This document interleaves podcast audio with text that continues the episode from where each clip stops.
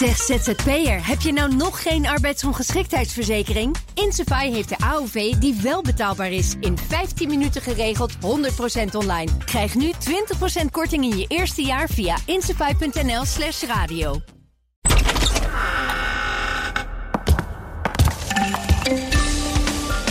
De band loopt. Dus, De band loopt. Stel zien dat het gaat waaien als we beginnen.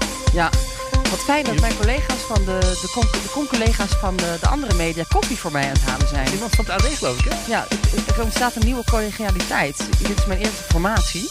Hey, en we staan hier natuurlijk eh, maandenlang buiten. Ik krijg gewoon koffie. Maar het ding is, als je nu koffie krijgt, dat betekent dat je de volgende keer ook zelf een keer moet halen. Oh ja, maar waar haal je dat dan hier? Nou, gewoon naar binnen, bij de, de, de hal van de Tweede Kamer. Daar zit een koffietentje. Of bij de, ik weet niet, misschien heeft de viskraam hier ook wel... eh, Ja, ja. ik heb van de week toen ik hier De viskraam heeft koffie. En haring. Misschien wel. Ik heb van de week in ieder geval een keer toen ik hier heel de dag hier stond te posten, halverwege de dag even een portie kibbeling gehaald. Bij de beruchte Binnenhof viskraam. Ja, maar Mark Rutte gaat daar ook altijd. Dat is, eh, we hebben ook een Italiaanse ijskoboer. Die staat Die er misschien mee ging stoppen, toch? Daar was iets, mee, daar was iets mee. Ja, hij had een... bro- dat- Oké, er komt hier een mannetje, eh, eh, Moes. En die heeft een brommertje. En dat brommertje, daar zit een, een ijskraam aan vast. En dat brommertje, dat voldeed niet aan de milieueisen. Dus dat Ach ja, dat dan- was het. Die Maar mag er hier niet meer ja, rondrijden. maar er is van een-. Maar er is een eh, uitzondering voor geregeld. Of in ieder geval, er is een oplossing voor, want hij mag hier weer komen. Dus dan staat hij hier zo bij dat bankje. Grote verontwaardiging hier eh, in het gebouw natuurlijk van onze Italiaanse ijskoman. Ja, maar laatst die eerste zonnige dag van Nederland, ergens in, eh, dat was, dat was toen nog maart. Toen, eh, toen stond hij hier al. Dus Ja. wij gaan heel veel ijs eten, eh, koff- koffie drinken en haring. Ik kibbeling. En hoe lang gaat dit duren? Ja, ik hoorde jou gisteren voorspellen eh, dat het voor de zomer niet gaat lukken. Ah ja, dat wordt natuurlijk in de uitzending altijd gevraagd. Hè? Van nou, wanneer hebben we nou een regering? Eh, En? En? Ja, ik, ik, ik, ik, ja, ik heb daar natuurlijk ik, ik heb geen glazen bol. Daar gaan we het elke dag over hebben vanaf nu. Maar ik durf de voorspelling wel aan dat dat zeg maar, voor de zomer niet gaat lukken. Duurt nog wel even. Laat ik even vertellen dat dit Nieuwsroom Den Haag is. Ja. Dat we vandaag op het Binnenhof staan. Naast de, de hekken waar de journalisten als een soort koeien tussendoor gedreven worden.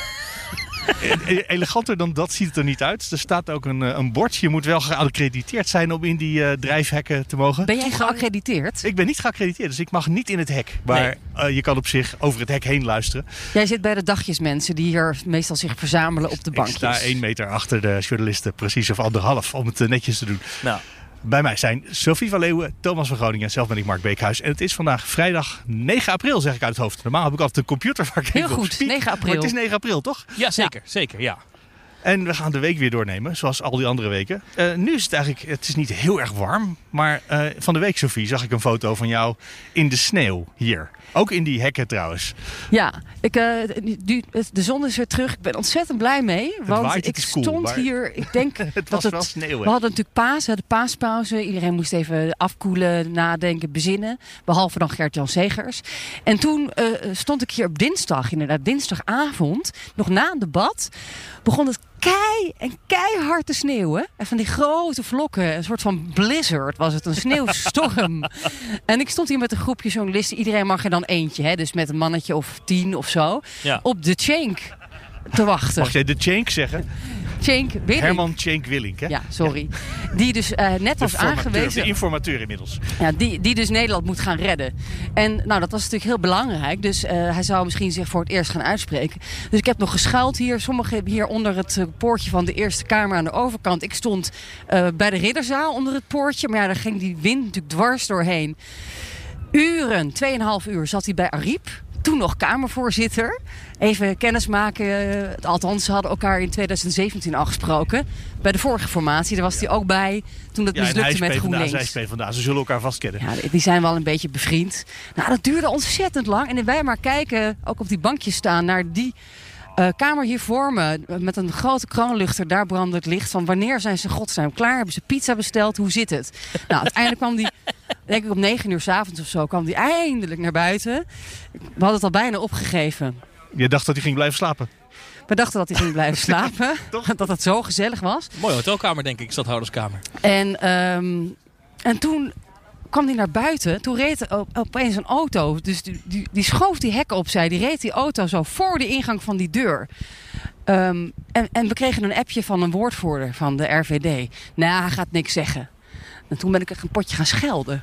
ik sta hier 2,5 uur in de sneeuw. Dus wij rennen naar de deur voordat hij in de auto kon stappen. Met z'n allen, met microfoons. Meneer Cenk Willink, hoe was het daar binnen nou? Echt Er kwam niet echt een antwoord uit. niks te melden. Had hij. Helemaal niks te melden. Zeg, Is er een eh, reden dat u zo lang binnen bent geweest? omdat ik weer eens even wilde weten wat, eh, eh, wat de situatie was. Maar ook een eerste exercitie van eerste gedachten.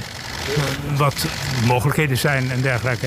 En om weer eens even kennis te maken met de mensen die ik voor het merendeel in 2017 hier achterliet. Dus Sophie, jouw koffie komt eraan. Collega van het AD die... eh, ja, welke is het? De koffie van het AD. Ja, een soort had je, hè? Een zwarte koffie graag. Betekent dat dat ik voor jou de volgende keer koffie voor jou moet halen? is wel, eh, pri- pri- pri- eh, hoe heet dat? Voor wat hoort wat? Pro quo? Quid wat was het bij quo. Trump? We Ja, doen het dat ervoor, is ja. Ja, dat, Ja. die. Ja. En haal je dat bij de haringkraam of waar? Nee, nee, nee, bij de, bij de goede koffiecorner. Ja, je wil alleen maar goede koffie voor BNR, hè? Ja. Dank je. Dankjewel. Aardig hè, die collega's hier. ja, dat is super Maar is dat ook zo? Want er staat hier net een enorme scrum van misschien wel 15 mensen in dit vak. Waarbij trouwens op het papier staat alleen voor 10 geaccrediteerde journalisten. Dus die waren weer zwaar in overtreding. Maar is het ontstaan hier nu allemaal vriendschappen omdat jullie allemaal Ja. uren en uren staan te wachten? Ja, ik denk dat ik heel veel vrienden Mensen- heb over aan het einde van dit jaar. Nee, maar zeker. Er is heel veel collegialiteit. Tuurlijk is er ook een beetje rivaliteit, maar je merkt wel dat hier wel, eh, met name de jongere generatie journalisten, dat die elkaar ook de quote gunnen en de tijd gunnen en de mogelijkheid om vragen te stellen. Wat je wel merkt, dat is, in- vind, vond ik interessant, is dat als dan zo'n momentje is, dus zo'n politicus komt naar buiten, is dat het toch wel een ongeschreven regel is dat de, de drie grote tv-zenders, die zijn als eerste aan de beurt. Die draaien vaak ook live, hè? zo op Ja. Politiek 24 of zo. En dan pas... eh, Maar net als in de persconferentie eigenlijk, is er ook altijd eerst wie zal ik het woord geven? NOS. NOS. ja, En, ik en vind die dat vraag ook, niet- hoeft ja. ook helemaal niet erbij. Nee, maar ik vind dat ook niet zo erg eigenlijk. Want dan kan ik, heb ik de mogelijkheid om na te denken... oké, wat hebben zij nou niet gevraagd, maar wat moeten we wel echt weten? En Dat Kan is, ik een stiekem best intelligentere vaak is dat nogal iets. Vraag bedenken, hè? dat wij nog intelligentere Ja, vragen geef je even bedenktijd. Ja. even bedenktijd. Zoals eh, iets over de sekswerkers. Dan laten we het daar niet weer over hebben. Maar, ehm, maar ja, hier in dit vak, en op dit moment, terwijl we dit opnemen, is Jesse Klaver binnen. Ehm, dus ik Hij glipte net tussen achter Baudet zijn, zijn rug langs. Ja, Baudet want stond Baudet hier was te hiervoor. Die stond hier de pers toe te spreken over dat hij de wereld ging verbeteren. Of dat Ja, hij dat graag over- zou willen als hij, hij de heeft kans het kreeg. over Plato gehad ook eh, met uh, Cenk Wat hebben ze over Plato besproken? Ja, dat zei er niet, maar dat zal wel iets zijn over de schimmen op de muur. Hè? Ja. En het vuur en wat is, over wat is de, werkelijkheid, en, eh, de projectie daarvan op de muur. En Herman Cenk Willink heeft een boek geschreven. Hè? Eh, groter denken, kleiner doen. Ik heb het niet gelezen. Een oproep. Eh, en het mooie was dat eh, eh, Baudet ging met een boek naar binnen. Namelijk het boek wat hij geschreven heeft over 10 jaar Rutte. En de puinhopen van 10 jaar Rutte. En eh, ik vind het wel tof ergens dat Herman Cenk Willink heeft bedacht... als jij mij een boek geeft, dan geef ik jou ook een boek. Zo. U heeft ook een boek van meneer uh, Ja. gekregen. Ja, Broodschrijvers onder elkaar, hè? ja, hij, hij heeft mij ook een boek gegeven. Dus eh, Hoe was het gesprek? dat was leuk, ontwikkelde man. Het was gezellig. Kopje koffie gedronken. U noemde hem van tevoren de kartelkardinaal. Ziet u dat nog steeds zo? Nou, ik denk dat ik hem een beetje onderschat heb. Eh, maar kijk, we zijn het gewoon eh, totaal niet eens natuurlijk. Hè? Dus, dus, maar dat, dat kan onder beschaafde mensen. Dus we hebben gewoon een aangenaam eh, uurtje doorgebracht. Waarom heeft u onderschat? Nou, er zit er meer in dan ik dacht. Het is niet een standaard eh, ja, iemand die hier, zeg maar, die ik normaal tegenkom hier in Den Haag. Het gaat ook over nieuwe bestuursvormen. Wat eh, eh, hebben jullie wat dat betreft besproken samen? Nou, ik vind dat, ehm, dat we referenda moeten hebben. Veel meer referenda, directe inspraak van de bevolking. En dat de Kamer nu, in, in, in de eerste weken na de verkiezingen, zeg maar, eh, op de grote thema's meerderheidsstemmingen moet houden. Dus willen we door of niet met de klimaatwet? Willen we door met de massale immigratie? Wat vinden we van referenda? Wat vinden we van corona? Dus dat de, de volkswil die in die verkiezing natuurlijk tot uitdrukking is gekomen in allerlei stemmen, geconcretiseerd wordt in, nou beste mensen in Nederland, jullie hebben dus in meerderheid gestemd voor. En dan zo tuk, tuk, tuk, tuk, tuk. tuk. 10, 20 thema's kun je zo. En dan dat een administrator, eh, eh, bijvoorbeeld Herman Zink, weet ik wie iemand anders, die maakt daar een, een soort, zeg maar, eh, synthese van. In meerderheid wil de Kamer dit, dit, dit, dit, dit. En daar worden dan poppetjes bijgezocht. Dat is de democratische volgorde. Het grappige is dus, tot nu gisteren stonden we hier ook met al die kleinere partijen. Ja. SGP, Eertmans, et cetera. Ja, eerlijk gezegd, we zijn nog steeds een beetje bij de kleine partijen, toch? Ik bedoel, Baudet is wel een paar zetels. Hij is nu de kleinste van de grote. Ja, hij maar- is even groot als Jesse Maar Klaver. Klaver nu en gisteren Segers zijn wel belangrijk. belangrijke partijen. Dat is iets anders dan kleine partijen. Ja, ze zijn misschien klein in zetelaantallen, maar ze zijn voor ze deze, nodig voor een meerderheid. voor deze formatie, ook voor de meerderheid in de Eerste Kamer, zijn ze heel belangrijk. Eh, Ook Baudet, want er zijn zoveel partijen die niet met Forum willen... dat je je af kan vragen of een gesprek met Baudet heel veel zin heeft. Ik denk dat als je ook hoorde wat Baudet net allemaal zei, dat, dat, Sluit niet aan op wat de rest wil. Nee, dat de kans klein is dat Baudet een belangrijke rol speelt eh, in, in deze formatie. Maar we horen, het valt mij op, hè, daar gaan we gelijk even de diepte in. Wat mij opviel gisteren bij al die eh, dingen die ik heb teruggeluisterd van die eh, fractievoorzitters, die de kleinere partijen die geweest zijn. En nu ook weer bij Baudet is antwoord, is dat het woord oppositie valt. En dan in combinatie met het woord constructief. Constructieve oppositie. Ja, en dat... Ik, Zelfs bij Gert-Jan Segers van de dat, ChristenUnie. zelfs, ja, die dus En waar denk je dan aan dat dat zou kunnen betekenen? Nou, ik, ik, ik heb ergens zo vermoeden dat dat is iets is waarop gestuurd wordt. Eh, het is vermoeden, hè, dus dat weet Ja. ik niet. Maar het valt mij op dat het, het woord constructieve oppositie echt vaak, of de twee woorden. Maar klinkt dat als een minderheidsregering bijvoorbeeld? Nou, dat zou kunnen zijn dat je inderdaad uitkomt op een kabinet VVD, D66, CDA. met steun van een aantal oppositiepartijen. En dat nu Herman een, Willink soms al met de ander. precies al langzaam polst. Goh, sta je daarvoor open? En gisteren dus vond ik opvallend Gert-Jan Van de ChristenUnie. Die zei, nou, ik ben wel bereid tot zo'n samenwerking. Eh, ook met een kabinet als daar Mark Rutte aan het roer staat. En terwijl hij afgelopen zaterdag... Hij gaat er niet mee in de regering zitten, maar hij wil zijn beleid wel steunen. Nee, hij heeft heeft letterlijk weer een keer herhaald gisteren eh, dat, dat hij niet voor zich ziet dat de ChristenUnie weer meedoet in een coalitie. Maar constructief in de oppositie, dat wel. Dat, Het wordt eigenlijk een soort nieuwe SGP eigenlijk dan, de ChristenUnie. Dat ze meestal wel constructief meestemmen, Ja. hè? maar niet in de regering. Ik vond trouwens dat Segers deze week heel ongelukkig in die bankjes zat. En iedereen zag hem eigenlijk balen van... wat heb ik nou, wat heb ik nou gedaan eigenlijk afgelopen weekend? En als en wat eerste heeft de stekker eruit. Ik bedoel, hij heeft gezegd, ik heb er nog eens over nagedacht... maar we gaan echt niet met de premier in een nieuwe regering zitten. Ik ga dat niet meer doen. En ja, je maar zag meteen dat he- waarom was dat een probleem? Want zijn achterban vond dat heel belangrijk. Nou ja, een, een deel van zijn achterban. Maar er zijn direct partijprominenten geweest. eh, zoals ook Eimert van Middelkoop, oud-minister van Defensie. Die zich daar weer eh, tegen hebben uitgesproken. Ik moest op dat moment een keuze maken waarvan ik wist... of aan de ene kant heb ik mensen die mij bekritiseren... of aan de andere kant, ik zal altijd kritiek krijgen... en het enige waar ik dan op af kan gaan is mijn eigen morele kompas. En ons eigen morele kompas als fractie. Want het is echt een fractiebesluit geweest. En zo hebben we het besluit genomen. Eigenlijk heeft Segers zichzelf daarmee toen geïsoleerd. Omdat, en, en, en de verwachting eind vorige week was... misschien komt Rutte nooit meer terug. Nou ja, eh, in, binnen, nog binnen het paasreces, paasweekend... Paasweekend alleen maar, ja. bleek al dat, dat dat helemaal niet aan de orde Niet was. vanzelfsprekend is in elk geval. en We weten heeft, niet waar hij heeft gaat. wel echt veel mensen op het Binnenhof eh, een beetje boos gemaakt hoor. Dat, dat Ja? Segers dat gedaan Dat hij voor zijn beurt gesproken heeft? Ja, nou, het is inderdaad een beetje voor zijn beurt spreken. Want er is af, nou niet afgesproken, maar er heerste een soort van consensus toen we dat weekend ingingen op Goede Vrijdag. Eh Kaag had het over bezinning in die paasdagen. De rust, stof moet neerdalen. Dat was een beetje, jongens, we gaan nu even, even rust pakken. Want we hebben net dat, dat bizarre debat van donderdagnacht gehad.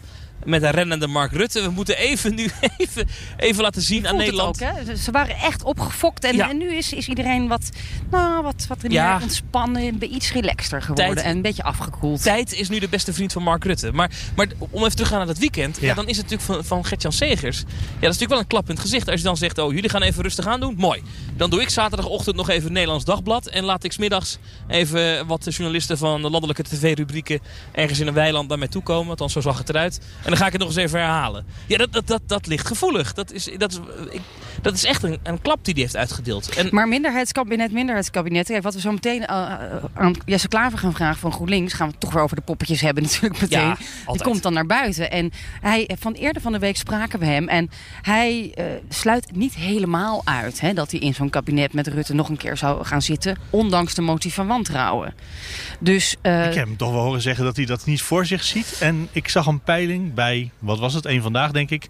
Die zei dat de achterban 60%, 65% het helemaal niet ziet zitten. nee, nee, de GroenLinks Dus achterban gaat wil dit niet. GroenLinks dit dan toch doen? Maar je moet even goed luisteren. Ja. Maar we hebben het ook opgenomen. Eh, de, de quotes van Jesse Klaver van afgelopen dinsdag is dat geloof ik. Hè? Dat, toen was hij 's ochtends is hij bij, eh, in de rooksalon geweest. Hè? Daar kwamen al die fractievoorzitters bij elkaar Alle bij. 17 en Ja, Ariep. en Ariep, toen nog Kamervoorzitter.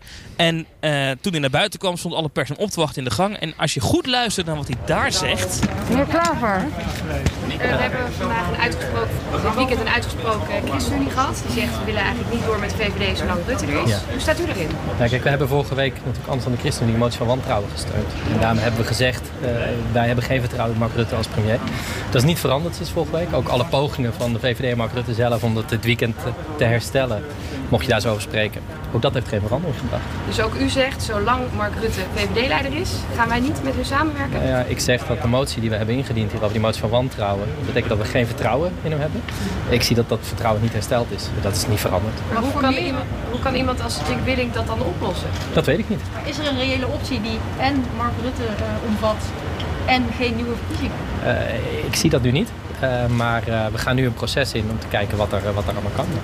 Dan zegt hij dat, het, dat hij het nu uitsluit. Hè? Dus nu. Maar dan wordt er meerdere malen gevraagd, maar over twee maanden, hoe is het dan? En dan zegt hij ineens, dan is het niet waarschijnlijk. En daar zit, dat, dat biedt toch ruimte. En dat is weer mijn, mijn quote van net, is dat, dat tijd nu de beste vriend van Mark Rutte is. Hoe langer dit duurt, hoe... eh, het is een beetje als we moeten de, de, de curve verslaan bij COVID. Moeten we nu de curve van woede tegen Mark Rutte verslaan. Want als die afzwakt, dan kan het over twee maanden ineens weer. En dat, dat idee krijg je toch wel als je die quotes van Jesse Klaver Daarbij heb ik ook wat wandelgangenwerk gedaan. En, eh, en daar hoor je toch ook echt wel aan die, aan die linkerflank...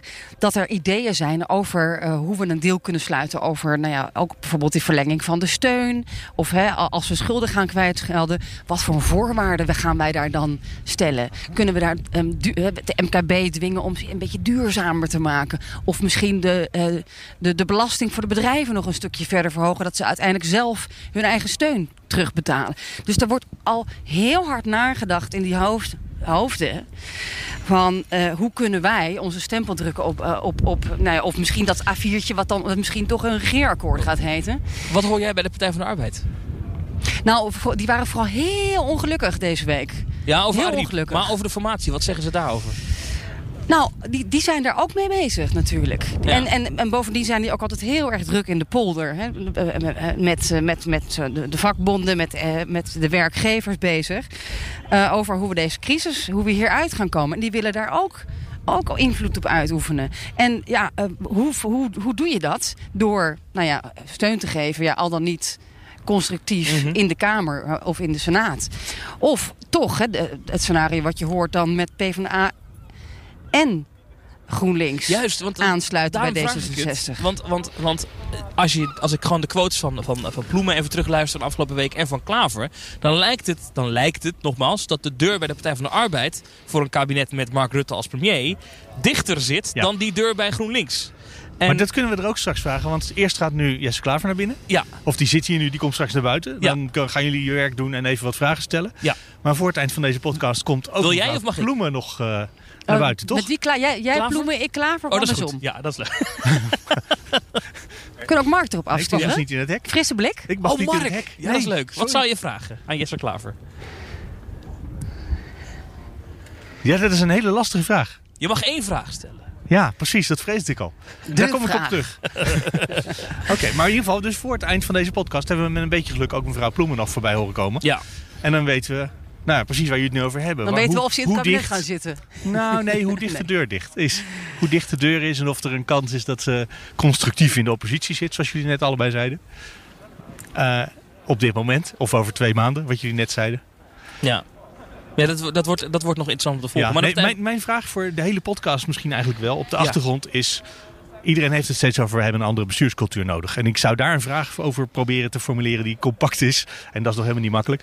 Maar volgens mij bedoelt niet iedereen hetzelfde daarmee. En is dat een ongelooflijk groot probleem als je allemaal zegt... we moeten een andere richting op. Maar niet iedereen... De een bedoelt rechts en de ander bedoelt links. Nou, Maar ze zeggen het niet. Ze zeggen alleen maar een andere richting. Je hoort meerdere dingen. Eén, bij een nieuwe bestuurscultuur hoor je wat we gezien hebben in de toeslagenaffaire. Dat willen we niet meer. Dus dat de informatievoorziening in de Kamer slecht is. eh, en, en dat, er, eh, dat, dat wordt gezien Dat er als... geen dualisme is en dat er hè, eigenlijk eh, dus niet een, een werkelijke Ja. goede controle Ja. kan plaatsvinden Dus- vanuit de Dus de Tweede Kamer Kamer. moet zijn controlewerk kunnen doen. De Ja, ambtenaren en de ministeries moeten hun informatie geven, moet ik jou zeggen. Dat is één. En een ander ding wat je veel hoort bij die bestuurscultuur is dat regeerakkoord. Hè, wat, wat, waar, waar tot op, op, op eh, het chippen van honden en katten eh, in afgesproken is, dat is, gaat veel te ver. En dat, daar moeten minder details in, zodat de Kamer eh, meer kan. En lijkt wel consensus over te zijn. Nou, De mensen die ik tot nu toe heb gesproken vinden het allemaal een fantastisch idee. En Ja, zelfs Mark waar? Rutte heeft het eigenlijk, eh, eh, hoe zeg je dat? Ge- Omarmd. Omarmd. Heet dat. Ik, gisteren was ook nog een analyse van Wouter van Scherrenburg op BNR. Als een, zo glad als een aal of zo lenig als een aal. Ja. Binnen vier dagen heeft hij het helemaal omarmd. De nieuwe bestuurscultuur, En een kort dualisme. Nou ja, alles wat, wat, wat eigenlijk hem tot nu toe werd verweten, is, Ja. dat vindt hij nu geweldig. Ik moet dan altijd denken bij als ik dan weer partijen hoor zeggen over ja, we gaan nu echt voor een kort regeerakkoord. Ja. Een paar A4'tjes. Dan moet ik altijd denken aan mijn moeder rond oud en nieuw. Die gaat dan oliebollen bakken en die zegt dan altijd: Nee, maar ik hou het klein dit jaar. Weet je, gewoon ik doe een paar oliebollen, ik hou het klein. En vervolgens op 31 december staat heel de keuken vol met emmers vol met oliebollen. Ja, daar heb je een punt. Hè. Dus iedereen roept het nu. En in hoeverre gaat het dan ook echt gebeuren? Ja. Gaat er Ja, precies. echt iets En veranderen op dat het zit Binnenhof? in, lukt het ze om weinig op te schrijven, zodat het op twee, drie, vier A4'tjes past. En dat Nou, of vijf, hè? Nou, misschien wel vijf, maar in ieder geval niet 80 of 100. Ja. Wat is het over het huidige regeerakkoord ook weer? Ja, dat moet ik even voor je opzoeken hoe Maar dik dat is echt tientallen pagina's in ieder Het is geval. een vrij groot heel veel. Ja. in ieder geval. Ja. Eh, dat is echt iets waar je even moet gaan downloaden, tussendoor. ja. Ehm, maar dus, dat, dat, is- nou ja, dat, ze, ze moeten zich kunnen inhouden. En dat is maar net de vraag of ze dat lukt. Maar volgens moeten ze het ook gaan doen. En Ja. dan kom je toch bij de poppetjes. Want jij zei, we moeten het nog niet over de poppetjes hebben. Hoewel, misschien toch al een beetje. Maar lukt het bijvoorbeeld Mark Rutte om een beter geheugen te ontwikkelen? Of om beter... Nou, dit, dit is cynisch genoeg geformuleerd. Nee, de rest belangrijke van de vraag. zin hoeft niet. Belangrijke vraag is: lukt het Mark Rutte om dingen los te laten? Want dat is het, denk ik het probleem. Eh, of probleem, dat is misschien een groot woord om aan te zetten. Maar eh, als je het hebt over zo'n kort regeerakkoord en niet te veel afspreken in die coalitie. Mark Rutte staat erom bekend dat hij niet graag verrast wil worden. En dat hij Ja. zekerheden wil inbouwen. En eh, daarom bouw je een, een regeerakkoord van 4000 A4'tjes. Even hyperbol. Aha. Maar om, Omdat je mensen eigenlijk niet vertrouwt. En dat doen we nu nog steeds niet. Nee, en, en de vraag maar het is... is nu wederzijds. Mocht er, Ja, echt- dat is waar. mocht er dus een kabinet gevormd gaan worden waar Mark Rutte weer premier van is, waar het toch langzaam weer een beetje op begint te lijken, durft hij dan te zeggen, nou ja, ik laat dingen aan die Tweede Kamer over. Nou ja, het is natuurlijk wel zo dat hij, hij hoeft dan maar twee jaartjes te zitten. En dan heeft hij zijn doel bereikt. Hè? Dus de langzittende premier. Nou, maar zou dat Dus- echt... da- Daar hoor ik heel veel over gesproken worden. Maar dat zal toch niet echt een doel zijn, of wel? Nou, kijk, je- uiteindelijk gaat het erom dat we de grote problemen van dit land oplossen, Mark. Nee, natuurlijk. Hij is er voor ons, voor ons best wil. Maar dat, dat is, speelt dat echt bij Mark Rutte mee? Dat hij de langzittende premier aller hoor tijden je. wil zijn? Dat heb, eh, als je het aan hem zelf vraagt, dan zegt hij natuurlijk van niet. Dan lacht hij dat, weg, wordt, dat wordt een beetje gesuggereerd. Er is trouwens wel eh, over dat hij hoeft maar twee jaar te zitten. Er is een scenario, in andere landen gebeurt dat. Dat je eh, zeg maar in een termijn van vier jaar afspreekt dat je op, op, op de helft wisselt van, van regeringsleider. Dat kan je in theorie doen. Israël heeft dat wel eens eh, gedaan. Ja. ja. Dus Ja, die, Maar- dat, die, die heb ik ook gehoord van de Haagse Insider op Twitter. Dus dan zouden ze afspreken eh, vanwege het wantrouwen jegens Rutte. Het eerst twee jaar Rutte en dan twee jaar Kaag. Dat zou Ja. dan de deal worden. En dan Kaag op eh, Europese zaken, zodat zij dan de EU-tops kan doen. Hè, want dat is nu met de prime minister. Ja. Waardoor eh nou ja, D66 ook gelukkig is en, eh, en zich kan profileren in het buitenland. En dan mag Rutte dat in zijn laatste twee jaar doen. De EU-toppen. Ja, dan, en dan kan hij dan daarna de baas worden van de Europese Commissie. Want dat is eigenlijk stiekem stond ook nog op zijn lijstje. Dat is een heel mooi st- opstapje Maar naar de, naar de hoe, nieuwe hoe Rutte. gaat dat dan werken? Want eh, over eh, anderhalf of twee jaar dan zijn er drie parlementaire enquêtes geweest. Eh, dan is de regering één, twee of drie keer gevallen inmiddels. Ja, dat is waar. En dan draag je de sleutel van het torentje over. Oh, die gaat dan al over naar Kaag in dat geval. Als Ja. die de tweede premier wordt. Ja. Want als, je de, als de regering valt... Normaal dan krijg je dan verkiezingen en dat soort zaken. Maar dit, is, we- dit is een leuk scenario om over te fantaseren. Maar dit is een leuk scenario om over te fantaseren. Maar ik, ik, Ja. ik durf eigenlijk de voorspelling wel aan dat in VVD-kringen dit niet gaat gebeuren. Als je ziet hoe, hoe de VVD-mastodonten zich afgelopen week hebben geprofileerd in de media. Echt, ik heb veel VVD'ers gebeld, Sofie. Veel. Ik, heb, Zijn een beetje bang voor ik, ben niemand, ik ben niemand tegengekomen die ook maar iets kritisch wilde zeggen over Mark Rutte. Echt, dat is gewoon...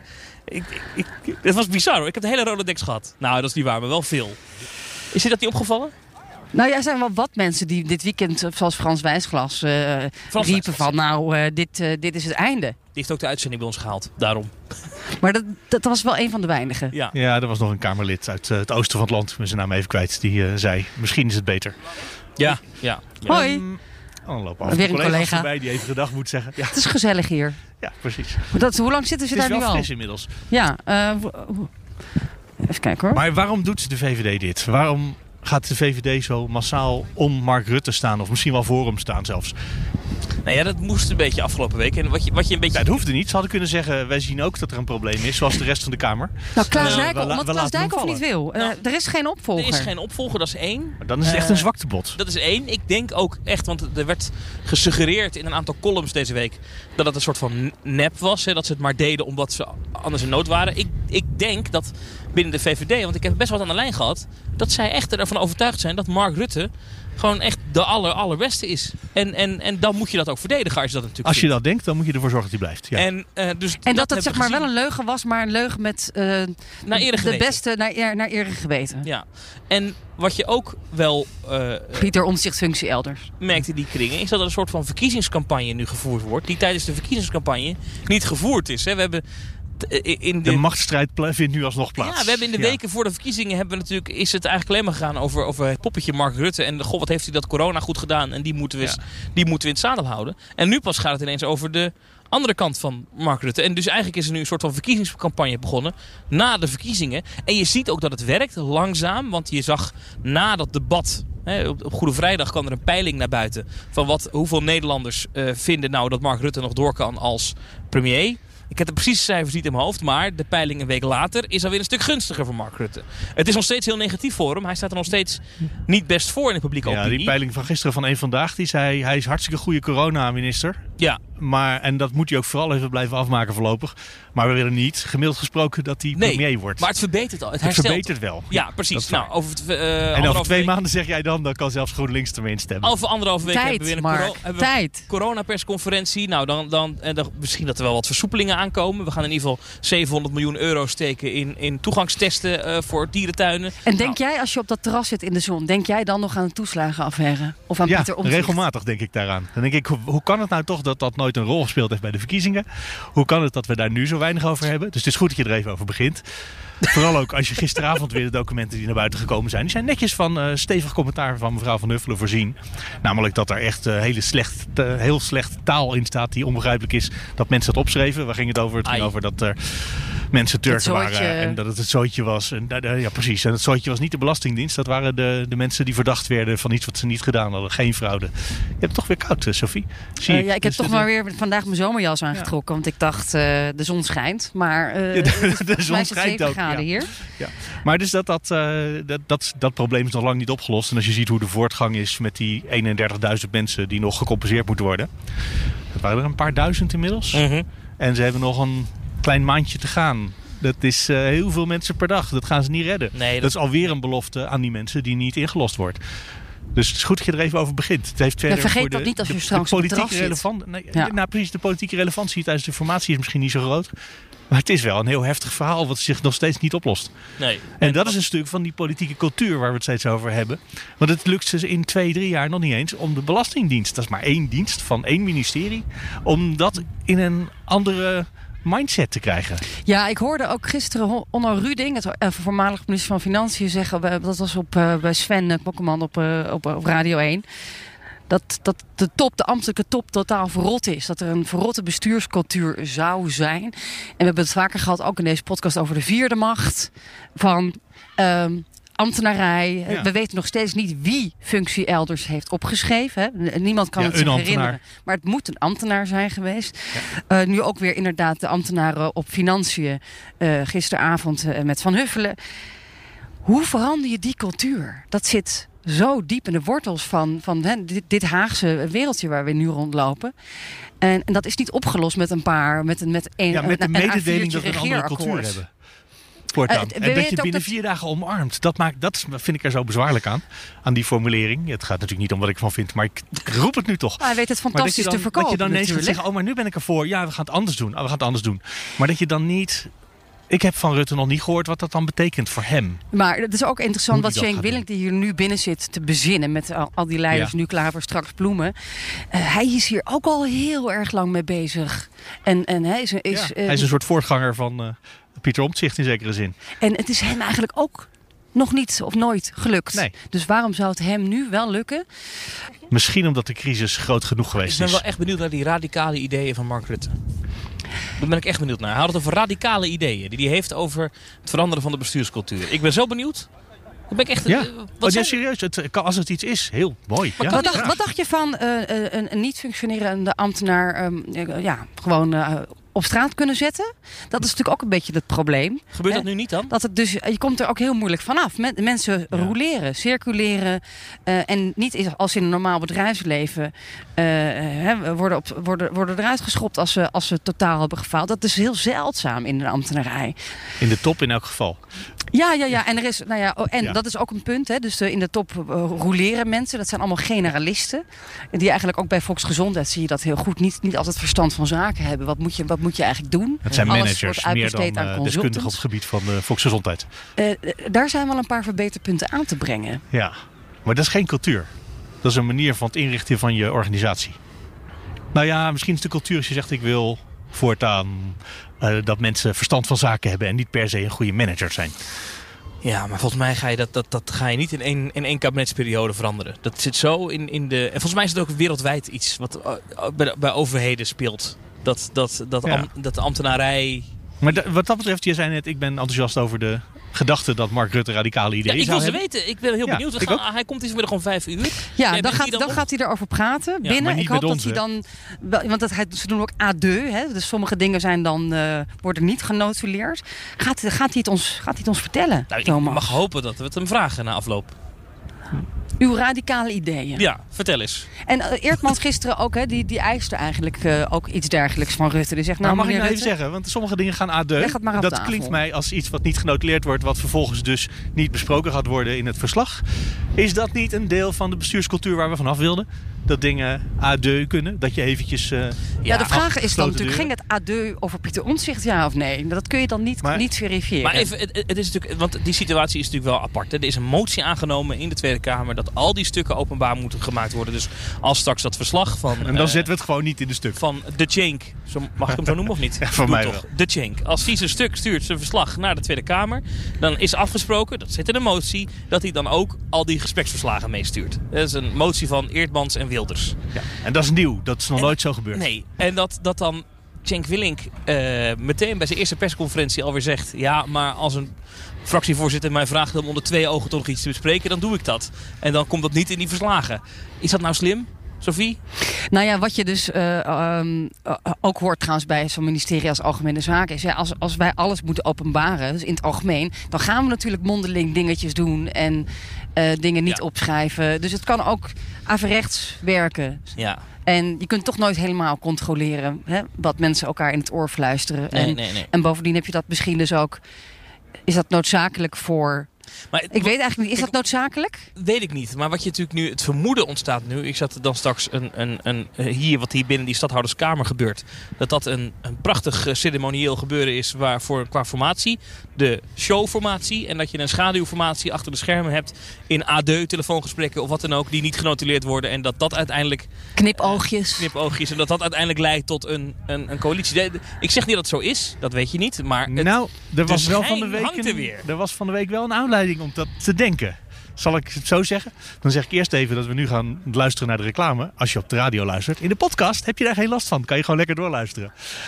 dat is het voordeel van on-demand audio, hè? Dat is mooi. Zoveel beter.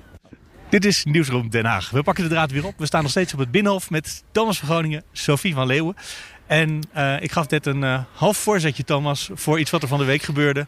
Ja. Ineens werd mevrouw Ariep afgeserveerd als voorzitter van de Tweede Kamer. Nou, ineens, ineens. Ja, dat was toch in zekere zin ineens, want er was een zekere spanning opgebouwd. Zou het wel een hele dag misschien gaan duren, het stemmen in een paar rondes? Nee hoor, in de eerste ronde hadden voldoende Kamerleden voor een meerderheid eh, een nieuwe eh, voorzitter gekozen. En eh, dat was de D66-voorzitter waarvan het verhaal al rondging dat zij het moest worden. En dat het een deel was van de deal voor de nieuwe regeringscoalitie. Ik heropen de vergadering en geef het woord aan de voorzitter van het stembureau, mevrouw Agnes Mulder. Voorzitter, in totaal zijn er 144 stemmen uitgebracht. En 144 leden staan op de presentielijst vermeld. Voorzitter, er zijn 139 geldige stemmen uitgebracht. En dat betekent dat de volstrekte meerderheid van het aantal uitgebrachte geldige stemmen 70 is. Er zijn 27 stemmen uitgebracht op collega Bosma. Er zijn 38 stemmen uitgebracht op collega Ariep. Er zijn 74 stemmen uitgebracht op collega Bergkamp. En aangezien 70 de volstrekte meerderheid heeft behaald, is Vera Bergkamp gekozen tot de voorzitter van deze Kamer. En normaal gesproken zou ik de hamer overhandigen aan de kerstvers gekozen voorzitter, maar in verband met corona gaat dat helaas niet.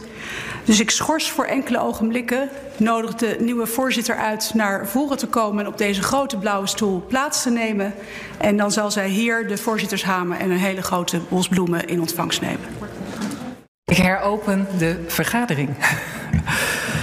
um, allereerst, uh, ja, dank uh, collega's uh, voor de steun. Um, voor het vertrouwen dat ze mij, in mij gesteld hebben. Uh, en kijken naar de collega's die niet op mij gestemd hebben. Uh, hoop ik het vertrouwen waar te zijn. En daar gebeurde precies waar we het net over hadden. Ja, uh, dat je denkt, er is de schijn van dat het toch weer niet lekker loopt. En dat, is, dat snap ik dus niet zo goed van, van wat er afgelopen week gebeurd is. Is dan heb je de schijn al tegen. En dan, dan, dan dan ontstaat er zo'n gerucht. Hè, dat er, want er is de dag ervoor besproken in de Tweede Kamer. Is er een telefoongesprek geweest tussen Sigrid Kaag en Mark Rutte. Over Ja. het voorzitterschap. Nou, dat gesprek is er geweest. Maar daarin zijn geen afspraken gemaakt. Sterker nog, de Kaag zei, ik heb alleen maar gezegd, ik denk dat wij een kandidaat hebben. Ja. We weten niet wat er gaat gebeuren. Zegt ze. Maar er zijn Dat geen- zegt ze. We, We, hebben, daar geloven geen, haar op- we hebben daar geen opname of gespreksverslag we van natuurlijk. op. Ook al, ook al zeg je dat, is dat natuurlijk een hele diplomatieke manier om te zeggen... We hebben het erover Mark, gehad. we hebben een kandidaat. Ja, ja. We hebben een En kandidaat. jullie niet trouwens, hè? Jullie niet? Ja, Nee. Hoef je niks aan had toe geen te voegen. Ja. Hoef je niks En- aan toe te voegen. Dan, eh, dat is natuurlijk, dat is kijk, heel erg. Maar dan heb je gewoon de schijn tegen. Ja. En dan de dag Precies erna- dat. Dit is die oude bestuurscultuur waar we vanaf wilden. Ja, maar dat weten we dus. We weten dus niet Als of dit gebeurd is. Kijk, dat is dus het probleem. We weten niet zeker of eh, het feit dat Vera Bergkamp nu de nieuwe Tweede Kamervoorzitter is... of dat een gevolg is van die bestuurscultuur... of dat het toeval is. Ja, of het is gewoon logisch. Het, dat ja, het kan zijn dat iedereen van Ariep af wilde. En dat ze dachten, die Vera Bergkamp. Dat is misschien wel een goede tegenkant, de andere kandidaat. Kan prima, want Ja. er zijn best wel wat mensen in, in, in, dit, in dit gebouw waar we nu eh, voor staan... eh, die zoiets hadden, die Ariep, dat hebben we wel gezien. Die zijn er echt wel hoor. Nou, er is ontzettend veel gebeurd achter de schermen. En eh, ze heeft heel veel vijanden in het gebouw Ja, gemaakt. we hebben in het afgelopen jaar heel wat podcasts gehad waar Ariep in voorbij, eh, voorbij kwam. En dan ging het vaak over ruzie. Het ging over de verbouwing. Hè? Dus eerst hadden we die architectenrel. Toen hadden we de verhuizingsrel. Ruzie met Raymond Knops van het CDA. Nou, bij het CDA waren ze niet blij. Tijdens de coronacrisis ruzie met allerlei fractievoorzitters over... Nou, gaan we nou wel of niet onder andere digitaal stemmen. Klaas Dijkhoff boos. Jesse Klaver was ook boos. Heel veel mensen waren boos op Ariep, die best, en zo ken ik er ook wel achter de schermen, ja, een beetje autoritair is. En een beetje, ja, niet, niet wendbaar, niet altijd, niet altijd heel aardig hoor, eh, in haar bestuursstijl. Heeft er vijf jaar gezeten, eh, is een kleine, een marginale partij geworden of gebleven. En dan kun je natuurlijk ook denken, ja, wat zijn de twee machtigste partijen in dit land? In de Eerste Kamer waar we nu tegenover staan, daar zit een VVD. Kamervoorzitter. Zou het niet logisch zijn? Daarom zeg ik, het is ook logisch hè, Ja. om een D66 Kamervoorzitter daar te hebben. Bovendien hebben die dat nog niet eerder gehad. Ik ga jullie een klein stukje laten horen van het eh, debat eh, daarover. Eh, daarin staan tegenover elkaar mevrouw Kaag en meneer Wilders. En daarna komt meneer Rutte erbij als fractievoorzitter van de VVD. En uiteindelijk komt er een dodelijke opmerking van mevrouw Ouwerhand van de Partij voor de Dieren. Die zegt, ja, ik hoor hier wel de bijval van, van Mark Rutte. Die zegt, wat Kaag zegt klopt allemaal. Maar ja, dat is meneer Rutte. Dus er gebeurt nu precies wat ik vreesde al die tijd, zegt dan uh, Ouwehand.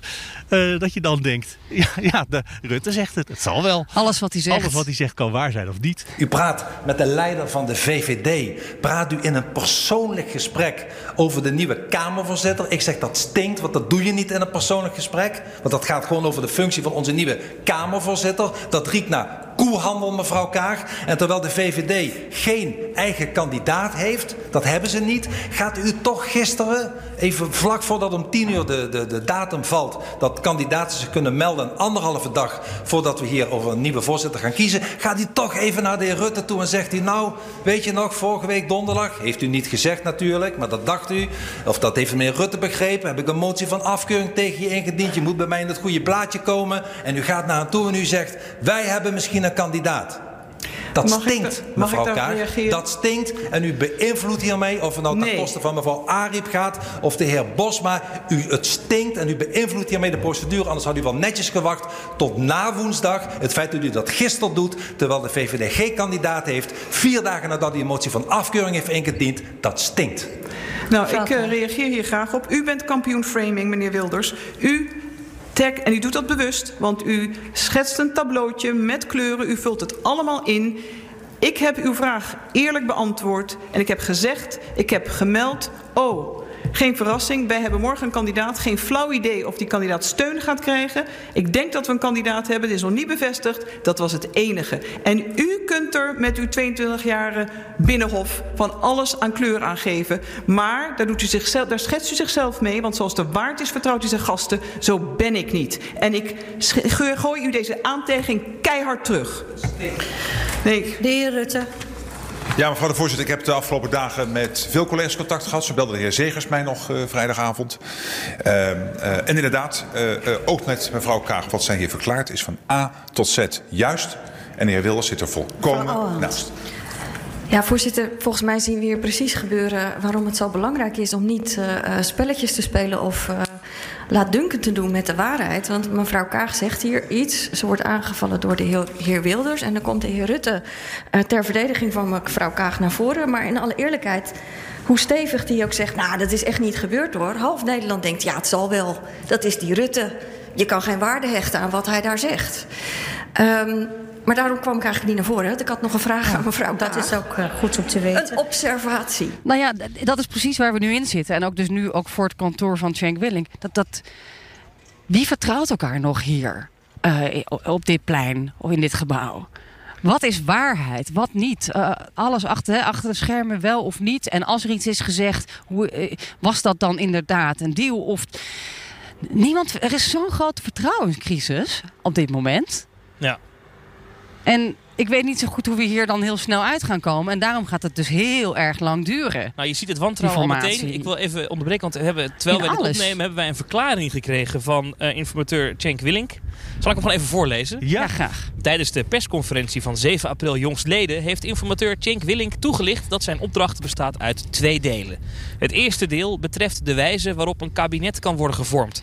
Dat deel van de opdracht is volgens de informateur niet los te zien van de breed gevoelde wens tot wijziging van de bestuursstijl. Daarbij heeft hij erop gewezen dat Mark Rutte niet de enige drager van de huidige bestuursstijl is. In enkele artikelen in de media wordt hieruit de conclusie getrokken: Rutte geen belemmering voor formatie. Die conclusie kan de informateur niet tot de zijne rekenen, zolang het tweede deel van zijn opdracht niet is uitgevoerd, namelijk te onderzoeken of en zo ja, onder welke voorwaarden er voldoende vertrouwen tussen partijen bestaat of weer kan ontstaan. Zo. Zo, Mark Rutte.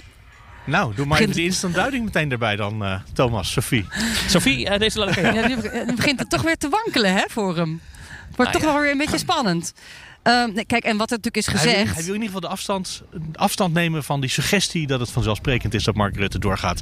Wat wel een beetje het gevoel is in de wandelganger waar jullie lopen. Ja, maar hij onderstreept wel, en daar ben ik het wel mee eens, dat zo'n zo'n coalitieoverleg op maandag, de afgelopen vier jaar, waarop maandag op het ministerie eh, van Volksgezondheid wordt de afgestemd. partijleiders, de fractievoorzitters bij elkaar om Minister, te zeggen de komende premier. week. Ja, Dit gaan we deze week doen, dit, dit gaan we beslissen. Kamerdebatten overbodig eigenlijk. We sluiten een deal nog voordat het debat heeft plaatsgevonden en vrijdag dan... eh, Persconferentie. koppen we hem in op de ministerraad.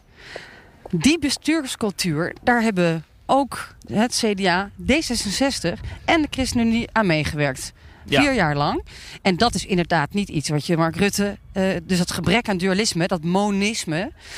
eh, dat, wat je Mark Rutte alleen kunt verwijten. Nee, nee, nee. Dus daar ben, dat, ja, dat, dat is correct. Maar Ik de belemmering, Maar wat, dat is wel wat is de interessant. reden dat deze, deze mededeling nu naar buiten moet Ja, komen? dat snap ik ook. De timing ervan vind ik een beetje gek. Want die persconferentie is alweer twee dagen geleden.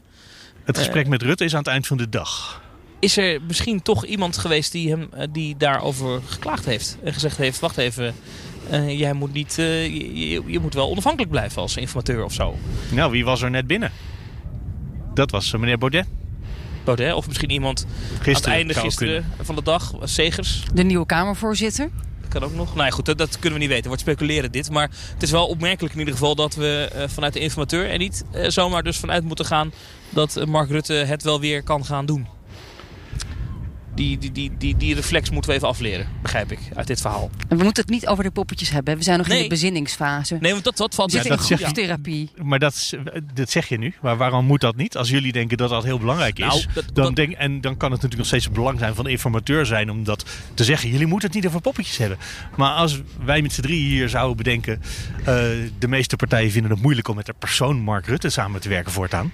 Gewoon uit allerlei praktische overwegingen. Hun eigen achterban. Dat eh, kan dus de conclusie. Zijn uiteindelijk van deze bezinning. Nee, maar, maar Dat, dat, dat kan toch voor ons reden zijn om het wel over poppetjes te willen hebben. Ja, maar het valt dus op dat eh, als je eh, ook de mensen hoort die gisteren... eh, oh, de- ondertussen wij onze koffiebekertjes Ja, weg. zat er nog wat in?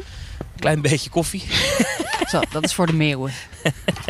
Maar eh, als je de, de verhalen hoort die, eh, die, die, die gisteren kwamen van de mensen die op gesprek zijn geweest bij, eh bij Cenk Willink, dan zeggen ze allemaal dat Cenk Willink het echt niet over de poppetjes heeft. Hij vraagt er ook niet naar. Sterker nog, eh, het waren Jullie vroegen het net aan Baudet. Wat gaf hij als antwoord? Nee, dat het er niet over gegaan is, maar dat hij het zelf wel op tafel heeft gelegd. dus dat- iedereen legt het op tafel en dan Ja. zegt Cenk, ik wil het er niet over Nee, hebben. dus in deze fase van die gesprekken hebben ze het echt alleen over de inhoud. Hij, wat ik denk dat er gebeurt, is dat hij dus inderdaad het eerste deel is eh, van zijn opdracht. imp- interpreteert hij zo dat hij echt gaat kijken en een aantal partijen op een rij zet. Met inhoudelijk kunnen we met deze, deze, deze, deze, deze partijen eh, tot een coalitie komen. Dan zal hij waarschijnlijk meerdere scenario's om, onder elkaar zetten. Met een, een meest waarschijnlijke variant. En dan is dus die vertrouwensvraag daarin niet gesteld. En dat is dan pas stap 2. En dan En- blijkt daarna dat er geen vertrouwen is. Nou ja, dat lijkt me echt een heel praktisch Wie weet, probleem. Dat is wel zo, maar wat je dan krijgt is dat je dan dus zegt dat de informateur zegt dit is een waarschijnlijke coalitie. En dan moeten die andere partijen nog een keer hardop gaan uitspreken. Dat willen we wel, maar niet als die persoon er zit. En dat is best een Ja. moeilijke uitspraak om te doen, denk ik. Want dat is, dat is best hard. En als je hem dan herhaalt, dan weet die andere partij ook waar ze aan toe zijn. Correct, maar als je dan...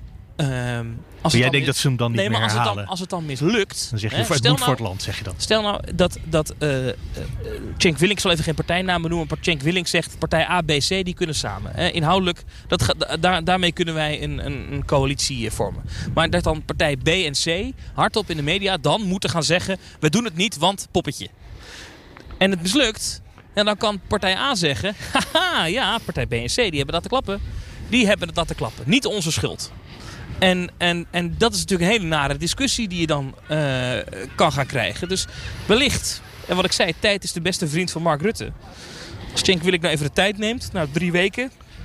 Ja, hij wilde het in een week doen. En toen had de voorzitter van de Kamer gezegd... ik wil graag dat je er twee weken over doet. Dat is interessant al. En hij heeft drie weken De motie En Kaag is drie werd het drie weken. Ja. Dus Ja. ergens eind april, en dan zijn we alweer wat verder. Misschien dat er nou Zitten we op een terras? zitten we op het terras. En dan, eh, dan Vinden we het dan nog steeds erg dat Jesse Klaver dan toch aan tafel gaat zitten? En dan gaan, nou, misschien dat er nog een paar weken overheen gaan. Dan wordt ergens half mei. Hè? Dan moet een keer die knoop doorgehakt worden. Willen we weer een keer met Rutte of Maar niet? goed, begin, waarschijnlijk, je kunt ook gewoon zeggen, we beginnen eerst even met de, de constructieve twee of drie. Hè, dus dan ga je eerst met D66, motorblok. het motorblok, het, niet het conservatieve motorblok trouwens, maar het, het liberale, Liberale, motorblok. En dan, nou ja, ik denk dat Wopke Hoekstra over drie weken misschien ook nog niet helemaal eraan toe is. Eh, Dus dat je, je moet het in stapjes opbouwen, zoiets. Stap voor stap, zeggen ze toch altijd? Rutte? Stap, voor stap. Eh, Sterker, dat heb ik Cenk Willink ook horen zeggen. Dat dingen stap voor stap moeten. Dus tegen dat we bij Klaver zijn aangekomen, is het al bijna begin van de zomer. Misschien. Ja, en ik wil dan graag nog even herhalen, stap voor stap. Eh, ik was pas net in eh, Den Haag en toen was de commissie van Dam. eh, het rapport kwam naar buiten over de toeslagenaffaire. Het was natuurlijk de vraag hoe gaat het kabinet hierop reageren. Er moest een kabinetsreactie komen. En ik heb toen meerdere malen daarover korte gesprekjes gehad met Mark Rutte. En toen gaf hij dezelfde quote als afgelopen week over, over de formatie. Namelijk, we doen het stap voor stap. stap. Stap voor stap. We gaan eerst Ja. eens even kijken. En uiteindelijk leidde dat tot het aftreden van het kabinet. Dat duurde wel even. Ja, of dan nu stap voor stap leidt tot het aftreden van Of het niet Ja, weet ik terugkeren niet, van maar- Mark Rutte. Ik, ik vond het parallel aardig dat stap voor stap is. Als je, als je een, paar hele, een hele moeilijke kwestie boven je hoofd hebt hangen, dan zeg je gewoon, ja, we moeten stap voor stap. Natuurlijk, want het is een inhoudsloze mededeling. Stap voor stap, joh. En hij is bovendien ook, niemand kan er tegen zijn om dingen stap voor stap te doen. Dat klinkt heel welverwogen. Hij is procedureel. Maar Eh, in maar december was, was het doel wel van Rutte om het kabinet nog niet te laten vallen. Daar heeft de VVD zich heel lang Precies. tegen verzet. Dus over de uitkomst kun- kunnen we dus niks zeggen. Stap voor stap kijken of ik Het kan, kan stap voor stap goed gaan, maar het kan alsnog uit de rails lopen. Stap voor stap. Stap voor stap uit de rails lopen, ja. Ik weet niet, kan je... Nee, die, die, die beeldspraak klopt niet. Als, als Ploemen zo komt, hè. Ik, ik, ik heb haar van de week ontmoet. In het holst van de nacht. Nou, het was, het was ergens in de avond. Eh, eh, vlak na de, de val van Ariep. En dan zag je dus eh, op de oude kamer van Lodewijk Asscher op het plein... brandde nog licht, ook een mooie kroonluchter daar. Ik was er even langs gaan lopen op die fractie, op de derde verdieping. Mhm. Van, waar is Ariep? Ze wilde, ze wilde met niemand praten. Ze verstopte zich in het restaurant. Ze kwam niet naar buiten. Het schijnt een geheime gang te zijn. Hè? Dus je kunt binnendoor ergens ontsnappen. Ze wilde gewoon niet zeggen... gefeliciteerd Vera Bergkamp, eh, ik heb vijf mooie jaren gehad. Ontzettend in shock over eh, haar, haar, het wegsturen in één ronde. Dus op die fractie van het PvdA hoorde ik echt eh, stemmen en al, eigenlijk opgefokte ja, eh, Boosheid hoorde je daar. boosheid. Ehm, ik zat mijn oor een beetje bij Ja. die deur. te- Ja, ik liep er langs en het kon me niet ontgaan. Ik hoorde ook GroenLinks. Werd gesuggereerd dat er een verraad was van GroenLinks jegens Ariep. Of dat de linkse oppositie elkaar niet zou vasthouden. Volgens mij is dat deels trouwens wel gebeurd. Ik wou zeggen, van Inge Lengten begreep ik dat het vooral VVD, CDA, D66 was. Wat haar aan de meerderheid geholpen heeft. Dan ben je er nog niet, dus er moet nog wat anders bij zijn. Maar... Het was een vrije kwestie, dus eh, ook bij En ChristenUnie. het is een dus geheime stemming, dus we weten het sowieso niet. Een aantal Kamerleden hebben dus eh, wel Vera Bergkamp gesteund en Ariep laten vallen. Is niet unaniem geweest vanuit de linkse oppositie, denk ik. Dan- Daar werden geen afspraken over gemaakt. Maar goed, eh, net genoeg om haar in de eerste ronde eruit te bonjouren op deze manier. Ontzettend veel boosheid. Ik heb Ariep niet meer gezien. Wel ehm, eh, buiten. Ploemer nog even langs zien lopen. Die zegt, ik heb echt een hele slechte avond. Ja. En wat ik wel fascinerend vond, is dat, dat ik dacht... hebben jullie dit nou echt niet zien aankomen? Dat je zo teleurgesteld bent en een beetje boos. En ik denk ook dat het een symbolisch einde is van... na opnieuw het verlies van de verkiezingen. Negen zetels. Eerst het vertrek van Lodewijk Asscher, die wel is weggegaan Nog weer een stapje. in de toeslagenaffaire. En Rutte die hier nog vrolijk ronddartelt. Negen zetels. De laatste strohalm van hè, de sociaaldemocratie. De Kamervoorzitter met honderd, honderden mannen en vrouwen personeel. Machtige vrouw op Binnenhof. Ja, ineens niet meer. Ja. Maar ja, En misschien hadden ze wel zien aankomen, of wellicht stiekem toch ook een beetje verwacht dat ze het niet zou worden. Maar ik denk dat de klap vooral ook zit, is dat het in één ronde is gebeurd. Eh, in één ronde gelijke meerderheid van de Tweede Kamer zegt, bam, we gaan voor de D66-kandidaat. Ja, dat heeft gewoon pijn gedaan. dus die hebben een hele slechte week. En ik hoop dat Ploemen, dat, nou ja, die komt hier zo weer langs. Dat ze een beetje is bijgekomen daarvan. En dat ze er weer zin in heeft. Ik denk dat het ook voor haar stap voor stap voor stap Ik denk alleen wel dat, dat, dit- stap dat zal zijn. de PvdA had al weinig vertrouwen in Mark Rutte, want ze hebben de motie van wantrouwen gesteund.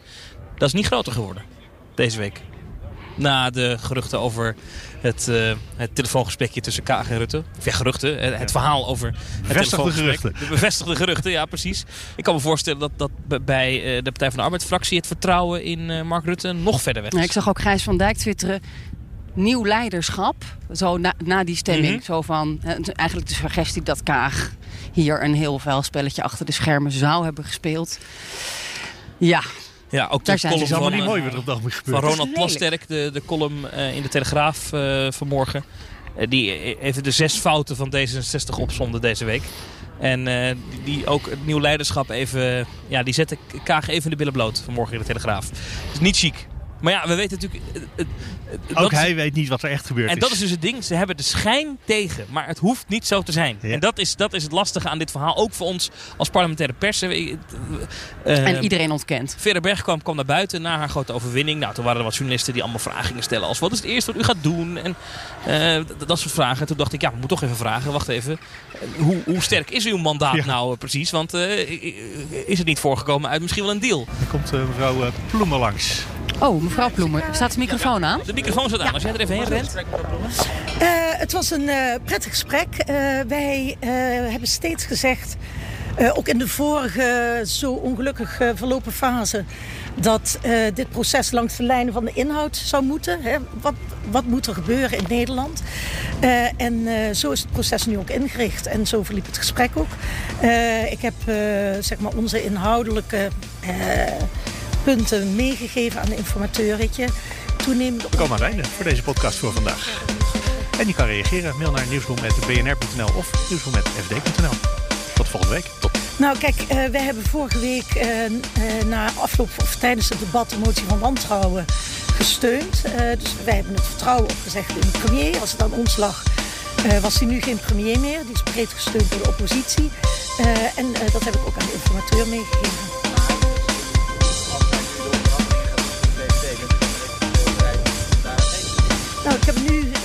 Wat ik u zei, dit, dit gesprek ging langs de lijnen van de, de inhoud.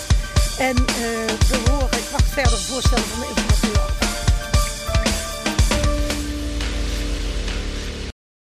30 mei, Unlocked. Het event dat de deur opent naar Composable Commerce. Unlocked is exclusief voor groothandels, brands en retailers. Gratis aanmelden, kega.nl.